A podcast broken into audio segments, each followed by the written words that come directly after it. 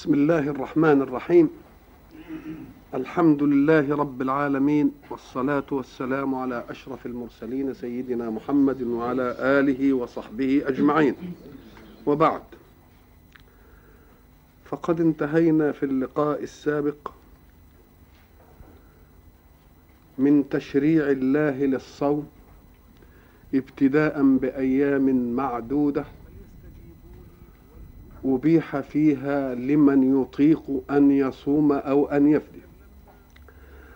ثم بعزم الأمر في صيام لا فدية فيه إلا على العاجز عجزا لا يوفي بالقضاء. وتكلمنا عما يلحق بالصوم من الاعتكاف وعن آداب الاعتكاف. إلى أن انتهينا إلى قول الله ولا تباشروهن وأنتم عاكفون في المساجد. تلك حدود الله فلا تقربوها. كذلك يبين الله آياته للناس لعلهم يتقون. إذا فكل تكليف بآية من آيات الله الغاية المطلوبة فيه للحق المشرع هو أن نتقي. نتقي كل مشاكل حياتنا ونتقي عذاب الله في الآخرة. وانظروا إلى دقة الأداء القرآني في ترتيب الأحكام بعضها على بعض. فالإنسان المخلوق لله في الأرض المسخرة بكل ما فيها لله له حياة يجب أن يحافظ عليها والمحافظة عليها تكون ببقاء الحياة في الاقتيات وبقاء النوع في الزواج. والاقتيات تكلم الله فيه للناس جميعا كلوا مما في الأرض حلالا طيبا. وتكلم فيه مخاطبا المؤمنين به من طيبات ما رزقناكم. وبعد ذلك شاء الله أن يديم على المؤمن به قضية التكليف فحرم عليه الطعام والشراب والنكاح في أيام أيام رمضان. وكانت حلالا في غير أيام رمضان وأحلها الله في ليل رمضان. ثم جاء بعد ذلك ليقول في قضية أخرى عامة في كل الأزمنة.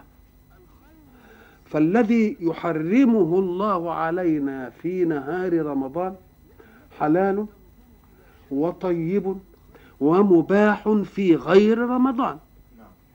شاء الله أن يستغل نهينا عن الأكل وهو المحافظ على بقاء الحياة في الإنسان وكل حركة في الوجود تنتهي إلى المحافظة على بقاء الإنسان.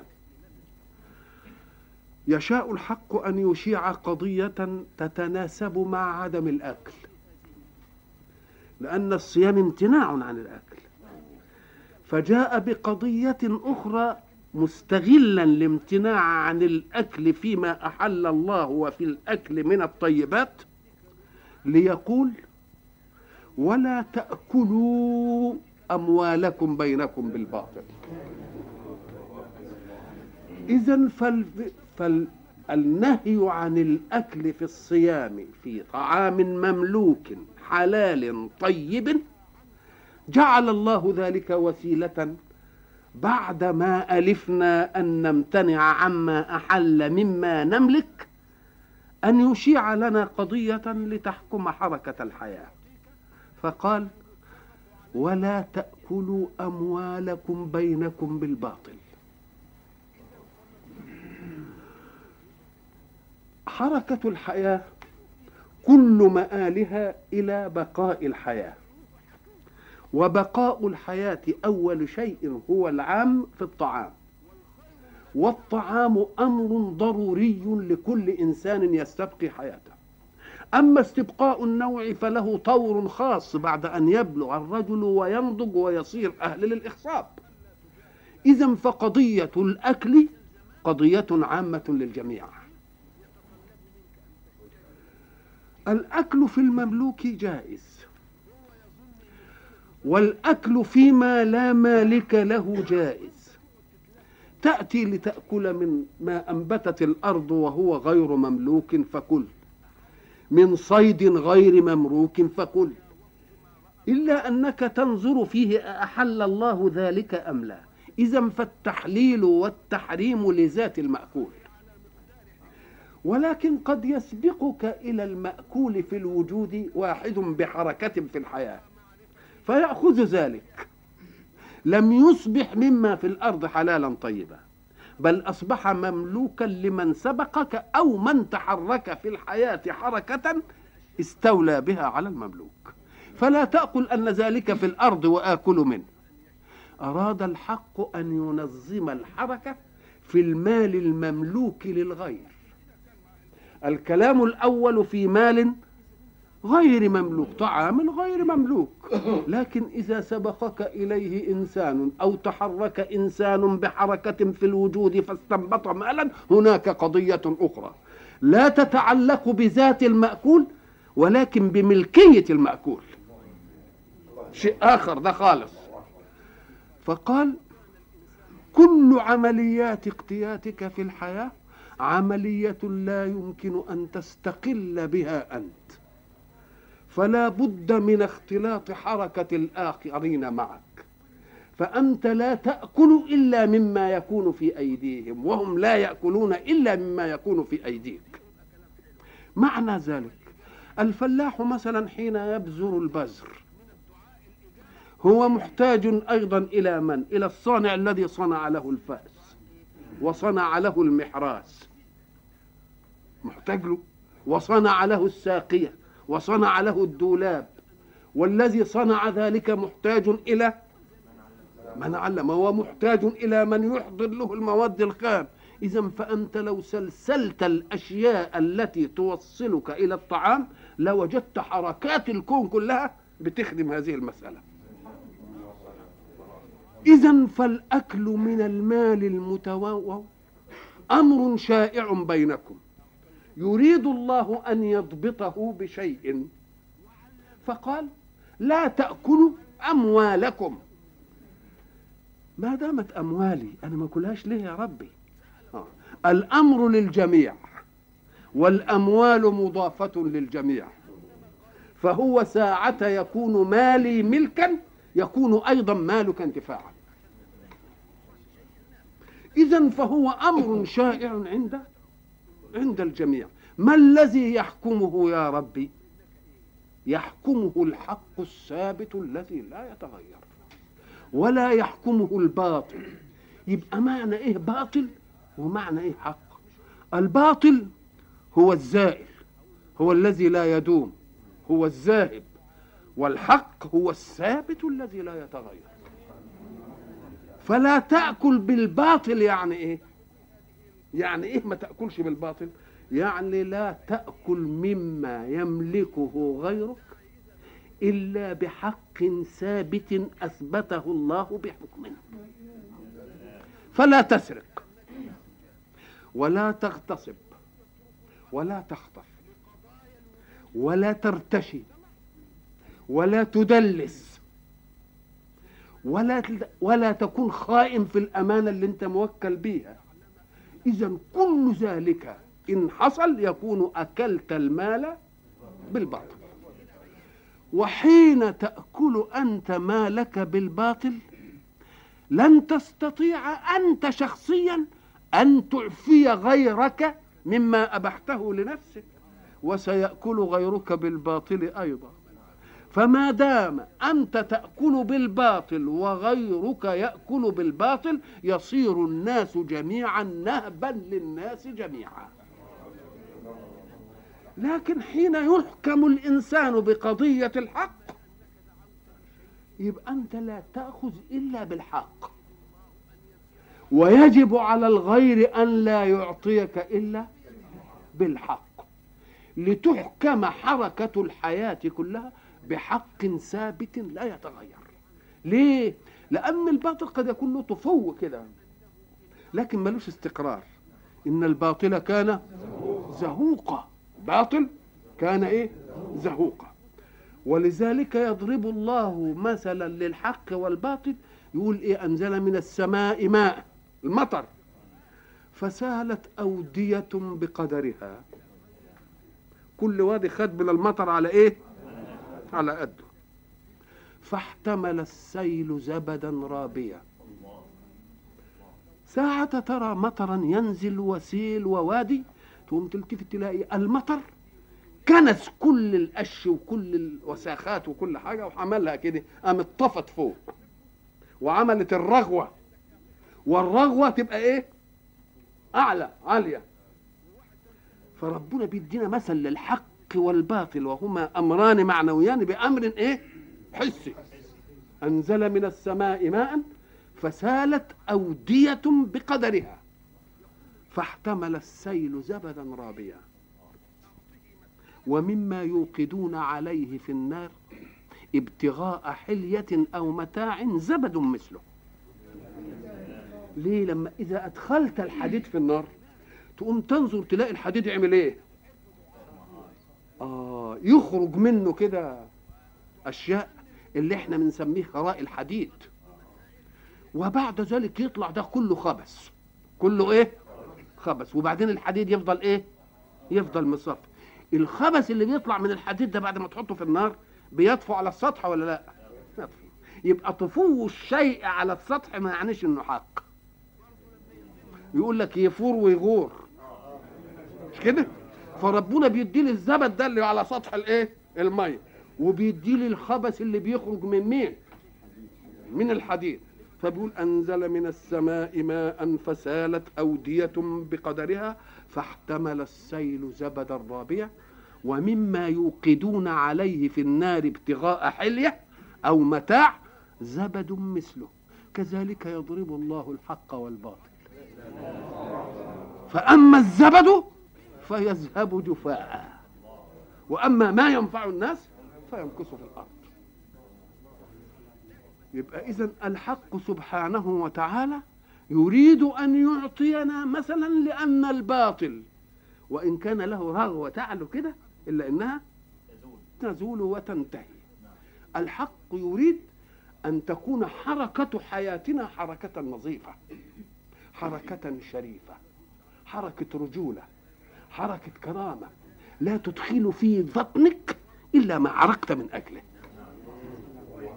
كل واحد ياخد حقه. كل واحد ياخد حقه. الله. اذا قبل الإنسان ما يفكر في أن يأكل يبقى يفكر في أن يتحرك ليأكل. مش أن ينتظر ثمرة حركة الآخرين لا يأكل. ليه؟ أم قال لك ده؟ لأن ده سيشيع في الحياة فوضى. الفوضى حين يرى إنسان نرى إنسان لا يعمل وعايش كويس. يقوم كل واحد يقول لك ما هو فلان لا يعمل وعايش كويس ما أنا ما اعملش وعايش كويس. الله.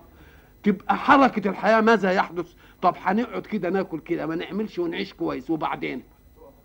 آه تقف الحركة كلها. يبقى ده اسمه باطل. يبقى زائل. يبقى أمر إيه؟ زائل. وإلى أن تنتهي ثمار حركة المتحرك يبتدي الكل يعمل إيه؟ يجوع. يبقى بطلت وانتهت ولا لأ؟ وما دام الكل ابتدى يجوع يبقى الكل مضطر يعمل إيه؟ لازم يتحرك. وبعدين تدي الدورة برضه ونتحرك. وهو إلى اخره إذا فالحق سبحانه وتعالى يريد أن يضمن شرف الحركة في الحياة. شرف الحركة بمعنى أن كل شيء تحاول أن تنتفع به يكون بحركة منك. يكون بحركة منك. ليه؟ قال لك لأن حركتك مش هيقتصر نفعها عليك أنت. ولكنها سلسلة متدافعة من الحركات المختلفة. وحين تشيع أنت الرجولة وشرف الحركة يبقى الكل يبقى إيه؟ يتحرك. فبعد ذلك يقول لك طب الباطل يبقى ما الذي يحكم هذا؟ يبقى أنت تأكل من حركتك. وتؤكل من ولايتك عليه من إيه؟ من حركتك. هذه الحركة مش بس تقول اديني تحركت لازم تنظر فيها إلى شرف الحركة بأن لا تكون في الباطل. شرف الحركة بأن لا تكون في الباطل. وإلا اللي بيسرق ما بيقعد برضه يدبر وبيعمل حركات وبيعمل مش عارف إيه ولا مش كده ولا لا؟ نقوم له لا لازم تكون الحركة إيه؟ الحركة بشرف والحركة إيه؟ بحل يبقى اذا كل شيء في الوجود سرقة يبقى دي باطل. غصب باطل. تدليس وغش يبقى باطل. عدم أمانة في عمل يبقى باطل. خيانة في وديعة إنكار لأمانة حركة في غير ما شرع الله معونة على حركة في غير ما شرع الله باطل كل دي. فربنا بيقول احرصوا حياتكم ولا تأكلوا أموالكم بينكم بالباطل. وإياكم أن تأكلوها بالباطل ثم تدلوا بها إلى الحكام ليبرروا لكم أنكم أكلتم الباطل فيخلعوا عليه الحق اوعوا. ليه؟ لأن في أناس كثيرين يقول لك ما هو الحاكم عمل. الحاكم اوعى تتهمها في الحاكم. انت مسؤول أول عن حركتك. ما تقولش طب ما هو الحاكم مشرع أعمال. ما ترميهاش وتقول لي. فمثلا الأشياء اللي إحنا بنقول عليها فنون جميلة رقص وغنى وخلاعة وعمليات اللي بنشوفها دي كلها. هو تشريع الحاكم لا أو عدم منعه لها أو كله بياخد منها ضرائب علشان ينفق على الدولة منها. دي تحللها؟ لا ما حللتهاش. لأن فيه فرق بين أن يكون الديانة المدنية شيء الديانة الربانية شيء آخر. الديانة الربانية شيء آخر. ولذلك تجد الفساد في الحياة ينشأ من إيه؟ من هذه.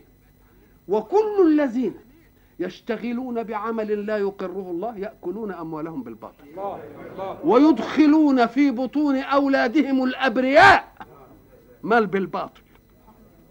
فعلى الذين يأكلون من مثل هذه الأشياء أن يتنبهوا جيدا إلى أن الذي يعولهم إن أدخل عليهم شيئا من هذا عليهم أن يذكروا ربهم وأن يقولوا لا لن نأكل من هذا المصدر لأنه مصدر حرام ومصدر باطل ونحن الذي خلقنا هو الله.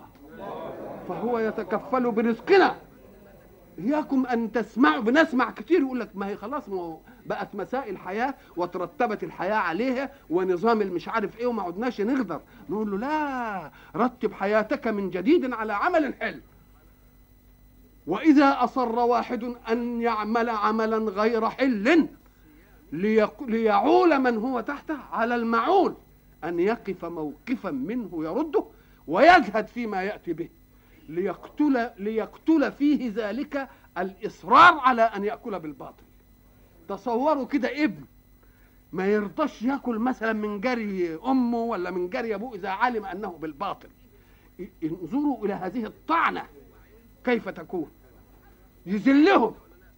وإياكم أن تقولوا هو ده رزقنا. ما إحنا ما نعرفش إلا رزقنا. ليه؟ لأن الله سبحانه وتعالى يريد منا جميعا أن نتيقظ أن عملك لا يرزقك وإنما يرزقك الله بسبب هو العمل. فإن انتقلت من عمل باطل فلن يضن الله عليك بعمل حق لتقتات منه. مش ممكن. ولذلك الحق سبحانه وتعالى عالج هذه القضية حينما أراد أن يحرم بيت الله في مكة على المشركين. وبيت الله في مكة كان هناك أناس يعيشون على ما يأتي من المشركين في موسم الحج موسم اقتصادي. بيبيعوا لهم كل شيء. فحين يحرم الله على المشرك أن يذهب إلى البيت ماذا يكون موقفه هؤلاء يقولوا إيه؟ أول ما يخطر على البال يقول ومن أين نعيش؟ ومن أين؟ انظروا إلى القضية التي يريدها الله أن تسير في نفس كل مؤمن. إنما المشركون نجس فلا يقربوا المسجد الحرام بعد عامهم هذا. ثم يأتي للقضية اللي هتشغلني. يقول وإن خفتم عيلة يعني فقرة فسوف يغنيكم الله من فضله. آه إذا ما فاتتش على ربنا. ما يقولش واحد هي ده أنا برتزق منها. ده أنا برتزق من انني بمسك نغم برتزق على إني بلحن برتزق على إني بألف أغاني خليعة برتزق من دي. يقولوا لا اوعى تجعل الرزق مني. إن خفتم عيله فسوف يغنيكم الله من فضله. ومن يتق الله يجعل له ويرزقه من حيث لا يحتسب. أنت احتسبت أن رزقك لا يكون إلا من هذا. ولكن اتركه طاعة لله. وانظر إلى يد الله الممدودة لك بغيره. أما أنت تقول ربنا مش هيرزقنا إلا من الباب ده يبقى العملية. إذا فقول الله ولا تأكلوا أموالكم بينكم بالباطل. على الناس إنهم يتنبهوا له ولا يدخلوش في أجوافهم ولا أجواف من يحبون إلا مالا من حق. إلا مالا من حق. ومال بحركة شريفة ومال بحركة نظيفة وليكن دائما الصدد بتاعهم إيه؟ ومن يتق الله يجعل له مخرجا ويرزقه من حيث إيه؟ من حيث لا يحتسب. وأيضا حين تأتي تجد هنا عجيبة في النص القرآني. يقول وتدلوا بها إلى الحكام. عشان الحاكم هو اللي هيقننها لك. تدلوا مأخوذة من أدلى أنتوا عارفين فأدلى دلوة؟ أدلى الدلو يأتي علشان نجيب ماء به نأتي بالماء من البئر. نقوم نعمل الدلاء ندلي الدلو ما يتعلق في إيه؟ في حبل. والحبل ده يكون طوله على قدر إيه؟ بعد المية. يبقى ادلى دلوه يعني علشان يأتي بإيه؟ يأتي بالماء. ودلاه.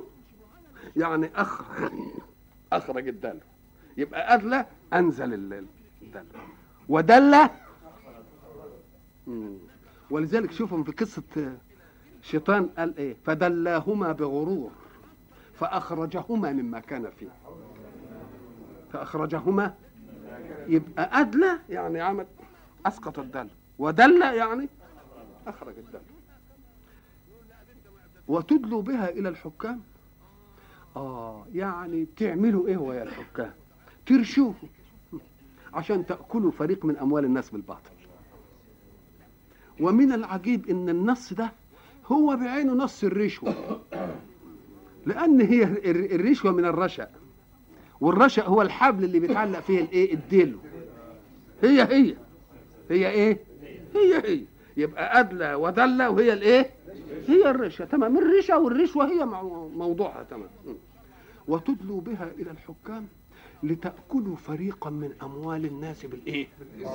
اسمه أنتم تعلمون. طب وليه تدلوا إلى الحكام؟ قال عشان اديلها التشريع التقنيني.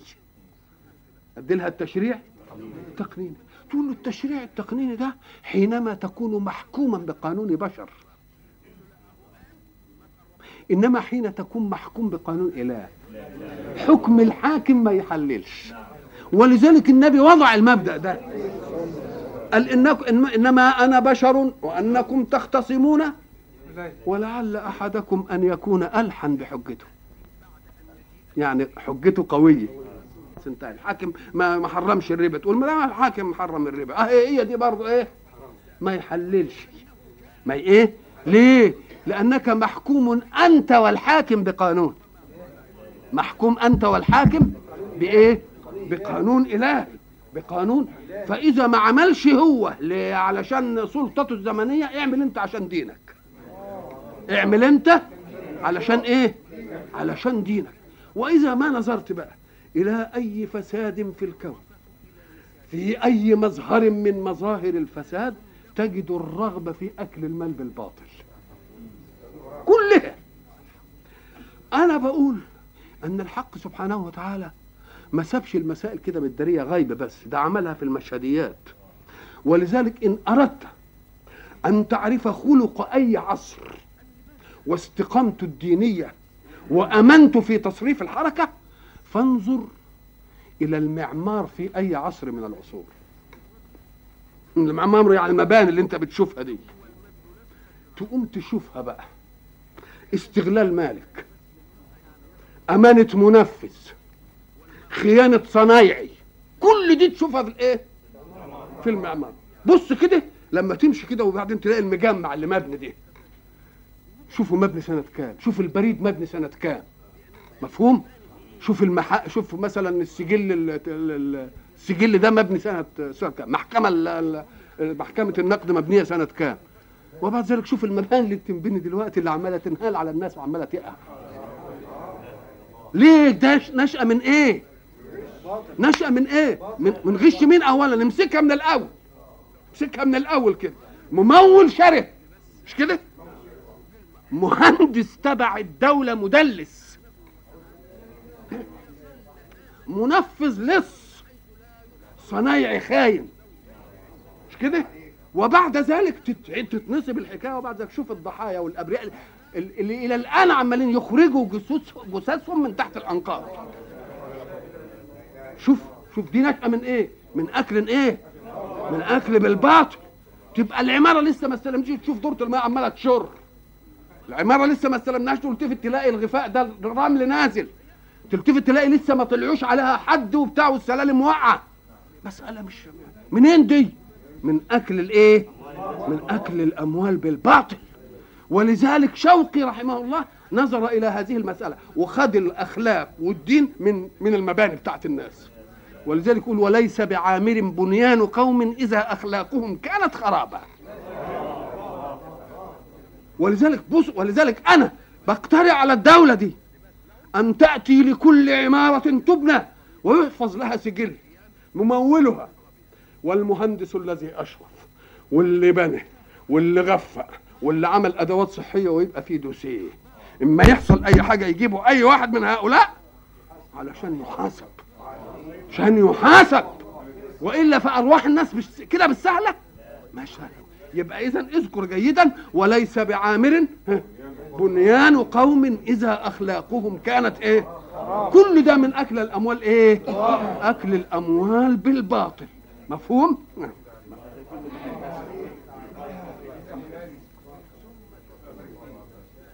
وتدلوا بها إلى الحكام. تدلوا بها؟ كل واحد ياخد فرصته في الحياة. كل واحد. يعني افرض إن حاجة بناخدها بطابور. بصف كده عشان ما فيش واحد إيه؟ يتقدم. وبعدين واحد جه من الساعة سبعة ووقف في الطابور خد صفه. وبعدين واحد راح قضى مصالحه لحد الساعة عشرة. وبعدين جه لقى الصف طويل طويل. يقوم يجي للي واقف من هناك من بره كده ويروح ملقمه جنيه ولا حاجة يروح واخد له ورقه وعامله كده. يقول لك ما أنا باخد حقي. نقول له لا ده حقك بزمنه. حقك بزمنه. ما, ما, ما تجيش انت واحد يجي من الساعة 7 وواقف ومعطل شغله وانت قضيت مصالحك الساعة 10 وبعدين تيجي تلف لي من الباب. لا يقف في الشباك زيه وبعد ذلك يقول لك ما هو أنا ما باخدش زيادة عن حقي ده أنا باخد حقي. تقول له لا حقك بإيه؟ حقك بزمنه. مفهوم ولا لا؟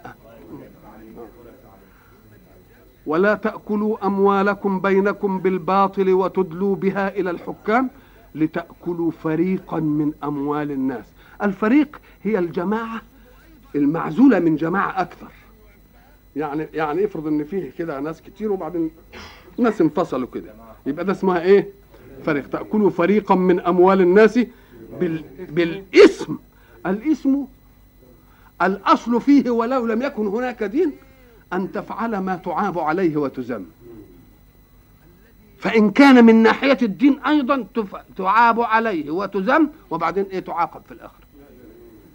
تعاقب في الايه في الآخرة. ولذلك يقول لك ما هو المقياس؟ عشان أعرف ندى بالباطل انتهي يقول لك إذا دخلت في أي صفقة فقدر نفسك الطرف الآخر فما تقبله على نفسك اقبله من الآخر. قدر على نفسك إنك إيه؟ الطرف الآخر. اللي ترضاه لنفسك ارضاه له. تأكلوا فريقا من أموال الناس بالإثم وأنتم تعلمون. يعني أنتم تعلمون الجزاء على إيه؟ على هذا. وبعد ذلك انتقل الحق سبحانه وتعالى إلى قضية يعالج فيها أمرا واجه الدعوة الإسلامية. الدعوة الإسلامية إنما جاءت لتخلع المؤمنين بالله من واقع في الحياة. كان كله أو أغلبه باطل ولكنهم اعتادوه وإيه؟ وألفوه.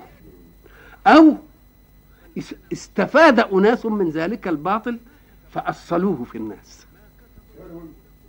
لأن هو فيه حاجة تفضل ألا إذا كان الناس هيستفيدوا منها. ولازم يكون الناس لهم إيه؟ فالإسلام جاء ليخلص الناس من هذه الأشياء. والإسلام حين جاء ليخلص الناس من واقع. لم يشأ أن يعلمنا أن كل واقع الناس شر. وإلا كان غير كل حركة عندهم.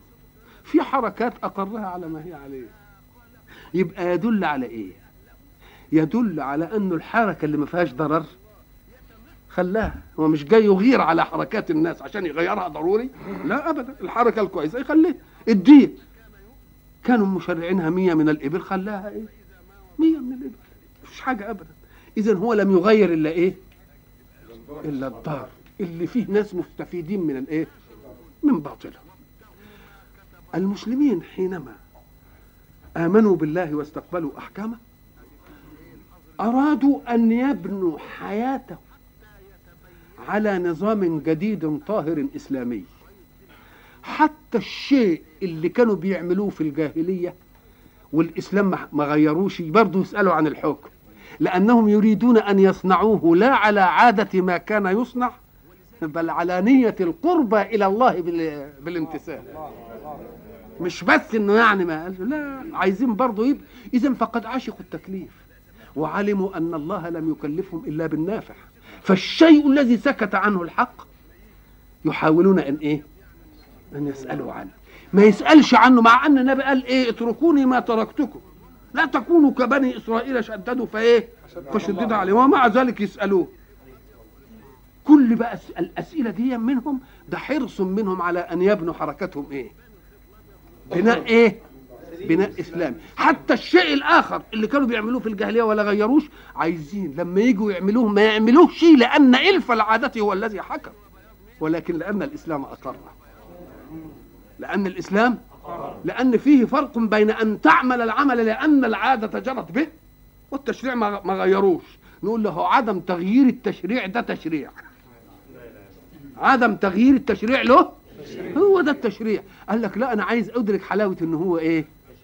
تشريع ولذلك في حاجات كتيرة مثلا يعني الحج مثلا مفروض على الإنسان في العمر مرة واحدة. يقوموا ناس يجوا يخرج تاني مرة يقول لك أنا خرجت إلى الحج بنية شيء آخر يمكن ما يطرقش على بال كثيرين. بنية إقامة الموسم. إيه يعني نية إقامة الموسم دي؟ أم قال لك مش يصح إن ما فيش حد السنة دي يطلع؟ وتتعطل شعيرة الله في الحج؟ لا أنا طالع علشان ما كانش حد يطلع لأنه هيبقى إيه هو؟ هو فرض عين علي. مش كده؟ وفرض كفاية إن قام به الغير اسكت عنه. طب إذا ما حجش حد يبقى فرض عين على كل واحد منا لازم نقيم الموسم. ما فيش موسم لله ابدا يجي ولا فيش حاجة. يوم يطلعوا بنية إيه؟ إقامة الموسم. بنية إقامة الموسم. ما شاء الله. ما شاء الله. يقيم الموسم بتاع ربنا. علشان ما يجي بيته ما ي... آه ما يفضاش. لأن يمكن يمكن شوف التخيل قد إيه. يمكن ما حدش يجي. وبعدين يفضل بيت ربنا كده لا, لا أنا هخرج بنية إيه؟ آه أكيد نشوف عاشق العبادة ومش عايز العبادة إيه؟ تتعطل ولا تبطل أبدا. فكله يسألونك في القرآن من هذا النوع. يسألونك ماذا ينفقون؟ كل العفو. ويسألونك برضو ماذا ينفقون؟ قل ما أنفقتم من خير فللوالدين والإيه؟ والأخ يسألونك عن الخمر. يسألونك عن المحيض الله يسألونك عن اليتامى. يسألونك عن الأنفال. مش كده؟ الله. كل يسألونك عن ذي القرنين. إذا فكل سؤال معناه أنهم أرادوا أن يبنوا حياتهم على نظام إسلامي. حتى الشيء اللي الإسلام ما غيروش عايزين برضه يعرفوه ويصنعونه على أنه حكم الإسلام لا على أنه حكم العادة. حكم الإسلام؟ على حكم العادة. بعد ذلك حق سبحانه وتعالى عالج هنا في القضية. أول سؤال ورد عندنا يعالج قضية كونية. قضية كونية يدلك على أن العرب التفتوا إلى كون الله التفاتا دينيا آخر. إزاي؟ التفتوا إلى الكون فوجدوا الشمس بتطلع كل يوم ولا تتغيرش. والقمر أخوها اللي بيطلع بالليل هو اللي بيتغير. شوف الملاحظة؟ بيبقى قد كده صغير وبعدين يكبر ويكبر وبعدين ين- يصغر يصغر تاني لحد ما يبقى محاق. ما بيحصلش الكلام ده لمين؟ يبقى اذا التفتوا للكون ولا لأ؟ التفتوا للكون. التفتوا للكون. وابتدأوا بدهم يعرفوا إيه الحكاية دي. فيسألوا النبي عليه الصلاة والسلام. أو اليهود قعدوا يحرجوهم وقالوا لهم اسألوا رسولكم عن الحكاية دي. الهلال بيطلع مثلا صغير وبعدين يكبر شوية ويكبر يكبر لحد ما يبقى إيه بدر. وبعدين يبتدي إيه؟ ينقص ينقص. وبعدين يقعد ليلتين محاق ما نشوفوش. ها؟ يسألونك عن الأهلة. الحق سبحانه وتعالى يجيب الجواب الذي يحمل كل جواب عن شيء هذا الشيء خاضع لنشاطات العقل في اكتشافه. ملوش علاقة بالدين. ملوش علاقة. إن ما عرفتش أنا السبب في إنه يبدو هلال. هل أنا ما استفدتش منه في أنني أرخت به؟ أنا أرخت به. يبقى اذا علمك به لا يزيد نفعك منه. ده طرف عقل بس. والطرف العقل ده مش كل الناس ومش كل عقل عنده استعداد له. آيات الله في الكون إحنا ننتفع به. وبعدين قد ينشط العقل ويعرف السبب. وقد لا ينشط فتظل الفائدة هي الفائدة ولا لا؟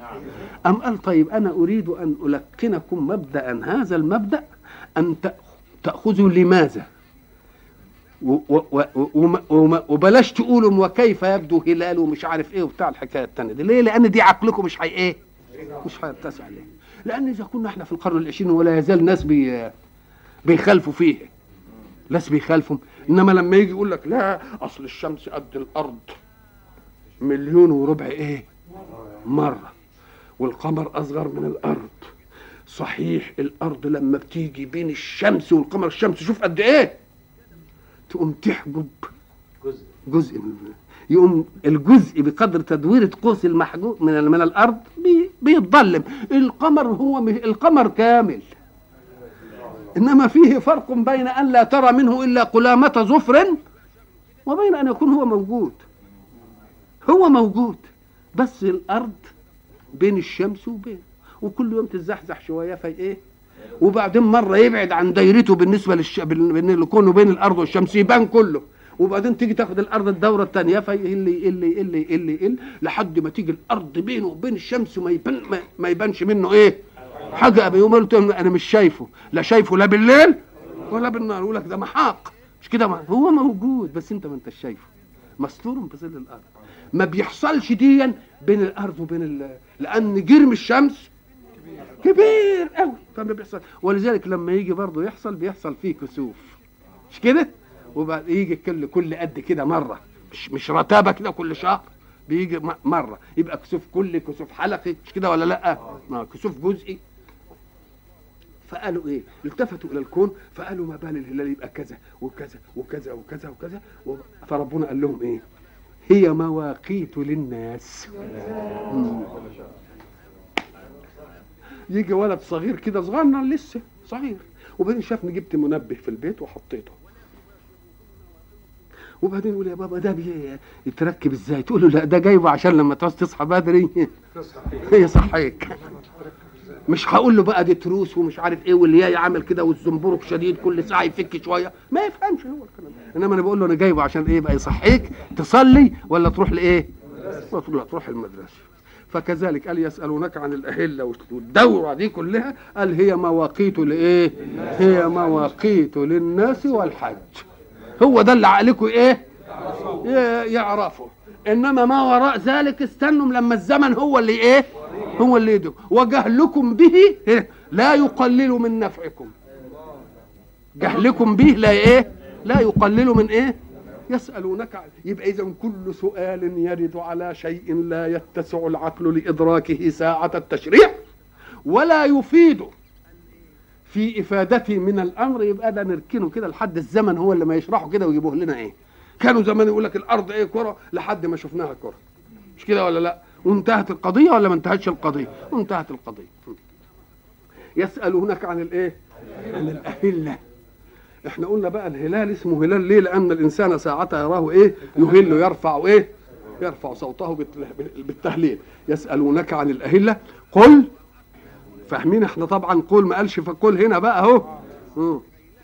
هي مواقيت للناس. مواقيت؟ آه مواقيت. ما هي؟ مواقيت دي إيه؟ جمع ميقات؟ أيوه طب وميقات يعني إيه؟ من الوقت. طب الوقت هو إيه؟ الوقت هو هي مواقيت. مواقيت جمع إيه؟ ميقات. ميقات يعني إيه؟ وقت. الوقت يعني إيه؟ زمن. مش كده؟ إحنا قلنا كل حدث من الأحداث يفعل يبقى يحتاج إلى زمن وإلى مكان. كل حدث من الأحداث يحدث يبقى يحتاج إلى إيه؟ يبقى اذا الزمان والمكان مرتبط بالحدث. مرتبط؟ ما لم يحدث حدث ما تقدرش تقول زمانه إيه ولا مكانه إيه. ما حد ما فيش حاجة. يبقى الزمان والمكان إيه؟ مربوط بإيه؟ آه. اذا فلا يوجد زمان ولا مكان إلا إن وجد حادث. فإن لم يوجد حادث فلا زمان. اذا الذي يقول قبل أن يخلق الله الخلق الزمن كان إيه؟ نقول له لا ده الزمن وجد بالحادث. والله قديم. يبقى ما دام كان قديم ما هوش حادث يبقى لا زمن ولا مكان. ما تقولش لا متى ولا إيه؟ ولا أين. ما تقولش لا متى؟ لأن متى وأين مخلوقة. متى وأين مخلوقة. طيب. الوقت ده ت- ت- تعرفه إزاي؟ قال لك مقدار من الزمن لمقدار من الحركه مقدار من الفعل يعني. مقدار من الزمن لمقدار مقدار من الفعل. مقدار من الزمن يبقى المكان اتلغى؟ أم قال لك شوف بقى ساعة يتحكم الزمان في المكان. يبقى الزمان هو الأصل والمكان يجي طارئ عليه. ومرة يبقى المكان هو الأصل والزمن يطرأ عليه. ومرة هما الاثنين يبقوا أصل. إحنا عارفين إذا أردنا الحج نقول ساعة نمر على رابغ نحرم. مش كده؟ نحرم. وبنسمي رابغ دي ميقات أهل مصر. ميقات يعني إيه؟ يعني المكان الذي لا يتجاوزه من مر عليه إلا وهو محرم. بنسميه إيه؟ ميقات أهل مصر. ميقات مين؟ أهل مصر. تبقى الميقات أطلق على مكان. مش كده؟ اللي هو مين؟ رابغ يأتي الزمان في أي لون؟ افرض إنك مريت المغرب. المكان هو اللي تحكم. مريت الظهر. مريت العصر. يبقى المكان هو الإيه؟ الأصل. طب افرض إنك عايز تصوم. الزمن هو الأصل. في أي مكان تيجي يبقى المكان الزمن هو الإيه؟ يبقى اذا مره الميقات ده يبقى إيه؟ الزمن هو المتحكم فيه والمكان يدور عليه. ومرة المكان يتحكم فيه والزمن يدور عليه. فميقاتنا في إيه؟ أين ميقاتنا في الحج؟ رابغ رابغ ده مكان ولا لأ؟ تذهب إليه متى؟ الصبح الظهر العصر المغرب خلاص. يبقى اللي تحكم إيه؟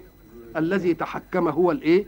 هو المكان. وفيه شيء آخر يتحكم فيه الزمان والمكان يدور حوله. زي رمضان.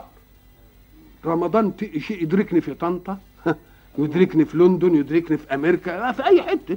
يبقى المك... الزمان هو اللي حاكم ولا لأ؟ وفيه أي... وفيه شيء يتحكم فيه الزمان والمكان معا وإلى لقاء آخر إن شاء الله.